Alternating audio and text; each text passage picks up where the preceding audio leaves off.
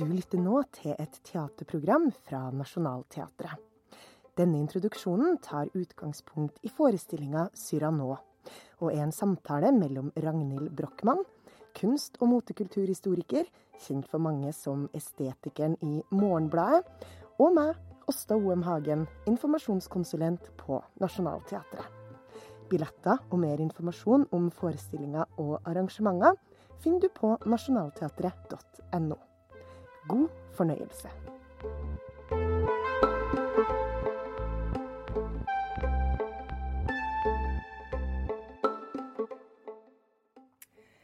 Ragnhild Brochmann, du er kunsthistoriker, og mange kjenner deg som estetikeren i Morgenbladet. Og vi har invitert deg hit for å gjøre en introduksjon til forestillinga 'Cyrano'. Så nå sitter vi her, og vi har fått lov til å snakke litt med deg før det, for å få, også få lyd til podkasten vår. Ja, det er jo en glede. Og så er jeg jo også motekulturhistoriker, og det passer jo enda mye bedre, for dette er jo en fortelling som handler om å prøve å være noen og ikke klare det, med tanke på dette utseendet gudene, mor og far, har eh, gitt oss fra begynnelsen av. For stykket nå handler om en utrolig dyktig fyr som er både poet og samfunnskritiker. Eh, men så hindrer han altså Han stopper seg sjøl når det kommer til hans store forelskelse. Og det er fordi at han har en veldig stor nese. Eh, og derfor så har vi invitert deg til å snakke om skjønnhet. For hva er egentlig skjønnhet? Og det er jo et veldig stort spørsmål, men vi har nå stilt det til deg. Vil du ja, begynne der? Ja, altså dette er jo det store spørsmålet som vi skal snakke om om eh, under en time, faktisk. Nå sitter vi altså her i en bortgjemt salong. Det er ingen jakker på knaggene ennå, vi bare venter og venter spent. Og det store spørsmålet, og det er jo veldig stort, som vi skal snakke litt om i løpet av de 15 minuttene, kanskje 20 som jeg har til rådighet, det er jo nettopp hva er skjønnhet? Og ikke bare heter foredraget 'Hva søren er skjønnhet?' med mange utropstegn og mange spørsmålstegn bak. Det handler jo også om hvordan det kan ha seg at når vi opp gjennom tidene i grunnen er ganske enige om hvem de skjønne er Det er ikke nødvendigvis så mange idealer til enhver tid. Det virker som det er ganske universelle, klare regler, egentlig. Så har jo historien likevel produsert enormt mange ulike ansikter og kropper som skal forestille å være og vise oss hva det skjønne, det vakre, er for noen ting. Og hva det er for noe Altså, det er så stort, dette her, at, eh, at det nesten er umulig å begynne. Men, men, dit vi skal gå først, det er jo til de gamle grekerne. Og man reiser jo til Hellas for å dra på badeferie, og så reiser man dit for å finne ut av når de store, kloke filosofiske tankene og teoremene virkelig fant sin form. Eh, og det som er så interessant med å reise tilbake til det gamle Hellas, det er jo at eh, på den ene siden så er eh, skjønnhet veldig forankret i det ytre. Eh, noen ideer om det formale, det alle kan se. Proporsjoner, symmetri, harmoni, alt dette her. På den andre siden så tror jeg de fleste også er helt enige om at det skjønne er koblet tett opp mot hvordan mennesker er på innsiden, og hvordan dette klarer å komme ut. Kanskje er den skjønne den du er nyforelsket i, kanskje er det barnet ditt, kanskje det er ham eller henne du aldri fikk. Altså det er noen store bøtter med følelser, og gjerne gode, om enn litt melankolske, koblet til hvem eh, de skjønne er. Og Grunnen til at vi da reiser til det gamle Hellas, det er jo fordi de var veldig opptatt av koblingen mellom det skjønne og det gode. Og på den ene siden så er eh, alle sammen enige om, ikke minst Platon, om at skjønnhet er godhet. Og du er ikke skjønn hvis du ikke er god.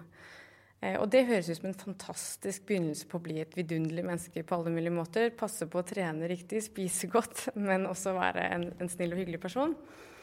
Men det er også litt problematisk, fordi på samme tid så har du eh, en, en, veldig sterk kultur som handler om at skjønnhet Eh, altså hvis du er skjønn, så er du også skjønn, smellvakker på innsiden. Du er et godt menneske automatisk. Og ikke bare er du et godt menneske automatisk hvis du er pen, du er også eh, benådet av gudene. Eh, gudeelsket, vakker, smart. Og bare tenk på altså Iallfall for meg, for det gir liksom nytt blikk på alle de greske skulpturene, de struttene, diskoskasterne og de stående, hvilende, herlige treningskarene. Eh, at de må ha hatt en herlig selvtillit. Eh, når alle visste at, at, det var sånn. Og det har til og med et eget ord som er 'kalos gagatos'. som betyr er du, 'ser du pen ut, så er du pen'. Ja. På innsida òg. God. Ja. Men var, var det her samme både for menn og kvinner? Ja, vet du hva? Det er et veldig godt spørsmål, for det skulle man jo på en måte tro. Eh, og det er klart at For kvinner også så var det herlig å være vakker, og på mange måter også et påbud. Og det er jo en, en linje som de fleste eh, kjenner veldig godt til, er jo nettopp at når vi nærmer oss vår egen tid, så gir jo etter hvert mennene fra seg retten til å uttrykke seg selv kreativt, eh, individsmessig gjennom spektakulære klær, mens kvinnene på en måte tar over den stafettpinnen fullt og helt. Og det er jo en stor glede og et språk å beherske og en måte å få lov til å fremstille seg selv som vakker, og til og med kanskje mye vakrere enn du er. Men det er jo også en byrde fordi eh, du plikter å være pen. Eh, og bare i antikken f.eks. så skulle du være helt naturlig og usminket. Men de sminket seg som bare søren. Og de kunne f.eks. feste geitehår mellom brynene hvis de ikke hadde dette eh, favoriserte monobrynet, som betød at du var ekstra ekstra intelligent. Og de brukte en, en, en, egen salve i fjeset for å bli virkelig, virkelig hvit, som var virkelig, virkelig dårlig for huden under. Så man pliktet å være pen, og det kostet, og det skulle gjøres i lønndom. Men en annen ting rundt det der å, å, å være forventet å være pen, var at vi har en annen historie også som handler om at menn er veldig redd for de vakre kvinnene. Så Hesiod, som er eh, en av de første store forfatterne i den gamle Hellas, han eh, kalte jo de første kvinnene, eller urkvinnen, eh, direkte oversatt, eh, den onde, vakre tingen. Nettopp, så det var litt farlig? Eller de vakre kvinnene var litt eh, truende, eller? Nei, De er jo farlige og truende da, på den måten at de kan få menn til å gjøre de, de, de mest grufulle og irrasjonelle ting. Forelske seg, for det første. Og sånn som med Helene av, eh, av Troja, så, så, var det jo diverse kriger og et eh, mannefall bare pga. hennes skjønnhet etter sigende. Da var ikke mennene så redde for det, hvordan hun så ut i seg selv, men det var hva hun fikk mennene til å gjøre. Og det er jo også en annen eh, linje som er veldig dypt forankret i hele skjønnhetens historie, er jo nettopp at det skjønne er skremmende, ikke minst hos kvinner, fordi eh, den seksualiteten, den erotiske kapitalen som gjerne kommer i tillegg til å være virkelig skjønn, den har vært uglesett eh, opp mot veldig mange religioner opp igjennom. Og i dag, med tanke på den muslimske verden f.eks., så er det helt opplagt at det der med å, å dekke til bl.a. hår og alle mulige soner som kan forbindes med noe erotisk i noen kulturer, hele kroppen, det handler jo om nettopp dette her. Denne redselen for hva en kvinne bare ved å vise frem kroppen sin kan føre til, være for noe. Men finnes det noen forskning på hva vi syns er pent? Altså Er det noe fellestrekk for eh, det vi kaller for skjønnhet? Ja, det er det som er så morsomt. at eh, jeg tror vi er ganske like oss selv. Vi har fortsatt lyst til at skjønnhet skal være en slags regnemaskin, hvor du kan plotte inn noen ideer, og så får du ut et svar, sånn at alle ikke behøver å bare gå på YouTube og sminke seg som Kim Kardashian. Det er ikke couturing som er løsningen, men noe annet. Men eh, moderne nevrologer, f.eks. en som heter Anjan Chateri, han mener jo at eh, Og basert på eh, rett og slett hjerneforskning Mennesker responderer for det første ekstremt positivt på skjønnhet. Da fyres det av noe voldsomt i cortex, og så går det fram til eh, forsiden av hjernen hvor vi har det senteret som handler om nytelse og belønning. Og derfra bare strømmer det varmt ut i hele kroppen. Og det gjør forsøkskaninene. Altså dette skjer uten at de engang blir bedt til å vurdere skjønnhet eller tenke på det. De får bare pene ansikter som de skal se på i en eller annen setting.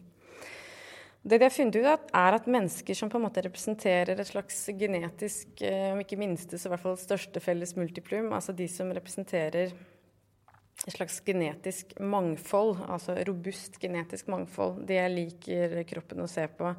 Og gjerne blanding mellom ulike etnisiteter. Og det tror jeg de fleste også kan kjenne igjen. Det er nesten liksom fordomsfullt å si, men la oss si Du møter et par, moren er fra Etiopia, faren er fra Stockholm. Barnet er bare helt utrolig skjønt. Eh, jeg føler jeg har vært borti mange sånne settinger hvor man møter eh, noen nye folk i byen, og det er vanskelig å ikke si etterpå 'herregud, for en, for en fantastisk gencocktail dette her har blitt til'. Eh, så det viser forskningen at vi liker. Og så liker vi symmetri. Vi liker orden og harmoni der som i mange andre deler av livet. Og så liker vi at eh, ikke bare at det er eh, harmoniske proporsjoner, men de snakker om eh, hormoner. Altså at det er synlig at f.eks. en kvinne hun skal ha store øyne, en liten nese, en liten fin hake.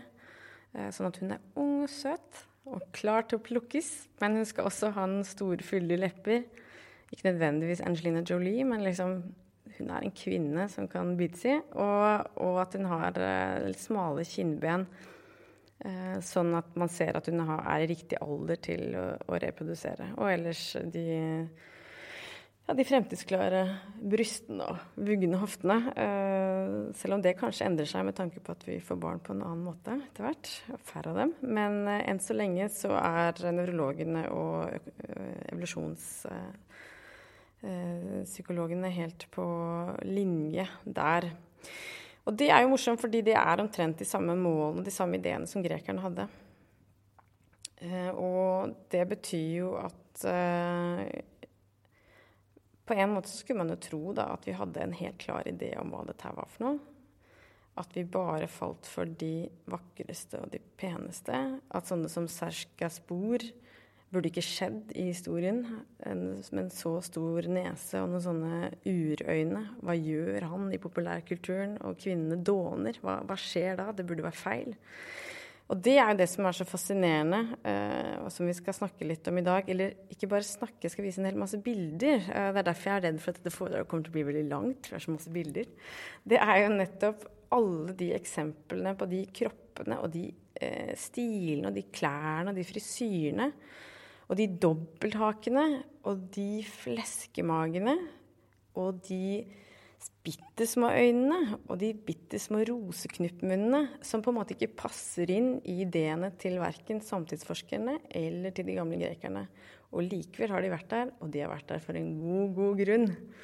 Eh, og det er eh, siste verset da på denne denne førsnakken at vi skal tenke litt på hvordan og hvorfor det er sånn at utseendet alltid, alltid speiler samtiden og de religiøse, kulturelle, politiske føringene som ligger til grunn.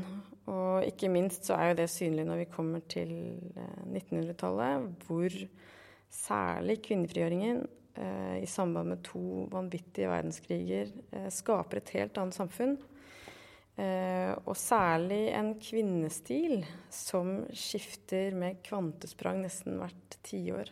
For Det er jo litt interessant at Cyrano ble jo skrevet ca. rundt uh, 1900. Mm. Og nå eh, spilles det i 2018. Mm. Hvis du skulle dra sånn kort gjennom hva er liksom de trekkene som har skjedd det siste hundre året?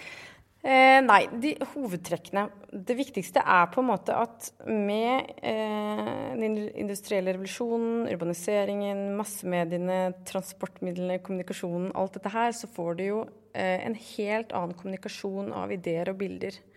Du får noe som heter film, som er herlig. Eh, du får kjendiskultur en masse. Du får en helt annen kultur kalt populærkulturen, som eh, er tilgjengelig for alle, og etter hvert også eh, butikker hvor du kan gå og kjøpe deg en liten flik av den nye stilen, en neglelakk, en hatt. Eh, og det betyr jo at kvinner, ikke minst fordi de jo frigjøres eh, skritt for skritt gjennom hele dette hundreåret, de ønsker jo å vise fremskrittet endringene, eh, også utseendemessig, det handler jo om, eh, om eh, å ønske seg andre uttrykk, fordi moten også på en måte finner formen som seg selv. Altså det skal være raske taktskifter fordi sånn vokser en industri, og sånn holder den seg gående og tjener masse penger. Men det er også kvinner som ønsker seg bukser, de ønsker seg å sykle, de vil bade. De kaster mamelukkene, korsettene. De vil ha kort hår, de vil få lov til å sminke seg hvis de vil det. De vil bleke håret sitt og ødelegge det på den måten, men det blir nydelig. De vil ligne på Marilyn Monroe. Og så vil de på ingen måte ligne på henne, fordi det kommer en helt ny generasjon som er verdens første tenåringer, som på alle mulige måter vil ta avstand fra en krig og en generasjon som de ikke har lyst til å være en del av. Eh, og hvis man bare tenker på Mange har sikkert sett uh, Mad Men-serien. Og hvis man bare tenker på hvor vanvittig store endringer stilmessig, men også med kvinnekarakterene i den serien, er fra begynnelsen til slutten, så er det jo nesten ikke til å tro. Og hvis du tenker på en femtallsmann, en slags Don Draper med en trang liten hatt og en trang, trang skjortekrage og et veldig stivt slips, og plutselig så ser han nesten ut som han kunne vært med i Cyrano med langt, krøllete, bølgete hår og en ellevill bart og en høy krage og høyhælte sko, det skjer på under 20 år. Altså, herregud, for en herlig ting å være menneske og kunne få lov til å finne opp igjen hele tiden på nytt hva det vakre og det interessante, ikke minst, er for noe. Og særlig med ungdommen og ungdomsbevegelsen så så skjer det noe helt nytt, fordi da er det jo de unge som har all kapitalen. Det er de som på en måte sitter med hele gullgruven av hva det nye og det spennende og det interessante er. Og det åpner jo også opp for at det vakre ikke bare er det billedskjønne, men det er jo den som til enhver tid formidler hva tidsånden er eh, best. Og inn i det så får du både Serska Spor, og du får Johnny Rotten, og du har Lady Diana, og du har Madonna, som både kan se ut som en traslete punk, punk punker og ligner på Evita om hun vil det. ikke sant? Så denne, dette mangfoldet eh, er jo noe vi må omfavne og huske på. Og samtidig så kommer vi helt sikkert alltid til å elske alle Askepott-fortellinger. Som nettopp handler om eh, Dette er et stort tankekors. At vi eh, først og fremst ser hverandre som eh, vakre og gode på innsiden hvis vi ser ut som vakre og gode mennesker på utsiden. Så med andre ord, verden vil ikke forstå oss hvis vi ikke presenterer uh, solsiden utad. Mm. Og det er et ganske hardt bud, fordi med moderniteten, uh, modernismen, så setter man jo et endelig likhetstegn mellom indre og ytre. Og det betyr jo at du, jeg, alle vi hele tiden går og leser hverandre basert på det vi ser. Og det er jo ganske lite, da, med tanke på alt vi har. Og det er jo den store fella som Cyrano de Bergerac også går i. Ja. Men det viser seg jo, da Spoiler vi jo forestillinga litt. Men det viser seg jo at det går an å bli forelska i eh, Cyrano selv om man har en stor nese. Ja, men det er det som er så tragisk. Altså, jeg må si at jeg gikk til dette stykket Jeg hadde faktisk ikke sett, jeg hadde ikke sett filmen med Gerard Depardieu heller. Jeg gikk til dette stykket med en troen om at jeg skulle se noe som endte ja, som liksom landet med pålegget opp. At det på en måte skulle bli herlig på slutten der. At det skulle ordne seg. Så syns jeg jo til og med at han er veldig kjekk med den lange nesa. Nesten kjekkere enn uten. I hvert fall uh, Nå har jeg ikke sett forestillingen som jeg har ikke sett um, uh, Bjarte. Men, uh, men jeg syns jo at uh, Gerard Dupardieu syns det skjer et eller annet ja, når han får den lange, spisse nesa si. Jeg tror jeg ville falt pladask. ikke det en fint sted å avslutte, kanskje? Jo, jeg tror det. Nå skal vi jo gå og møte, møte gjestene, publikummerne. Og snart, eh, og Cyrano spilles fortsatt, så løp og kjøp hvis du ikke har sikra deg billett enda. Ja, løp og kjøp. Altså, jeg har faktisk ennå ikke sett det, så jeg skal i hvert fall løpe. Jeg tror kanskje til og med jeg får det, så kjøp blir det ikke, men jeg skal løpe. Og så skal jeg se det. Så får vi gråte og le. Akt etter akt. Tusen takk, Ragnhild Brochmann. Takk.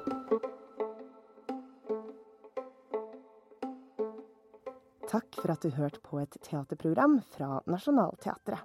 Musikken du hører nå, er komponert av Gaute Tønder og Olav Våstad.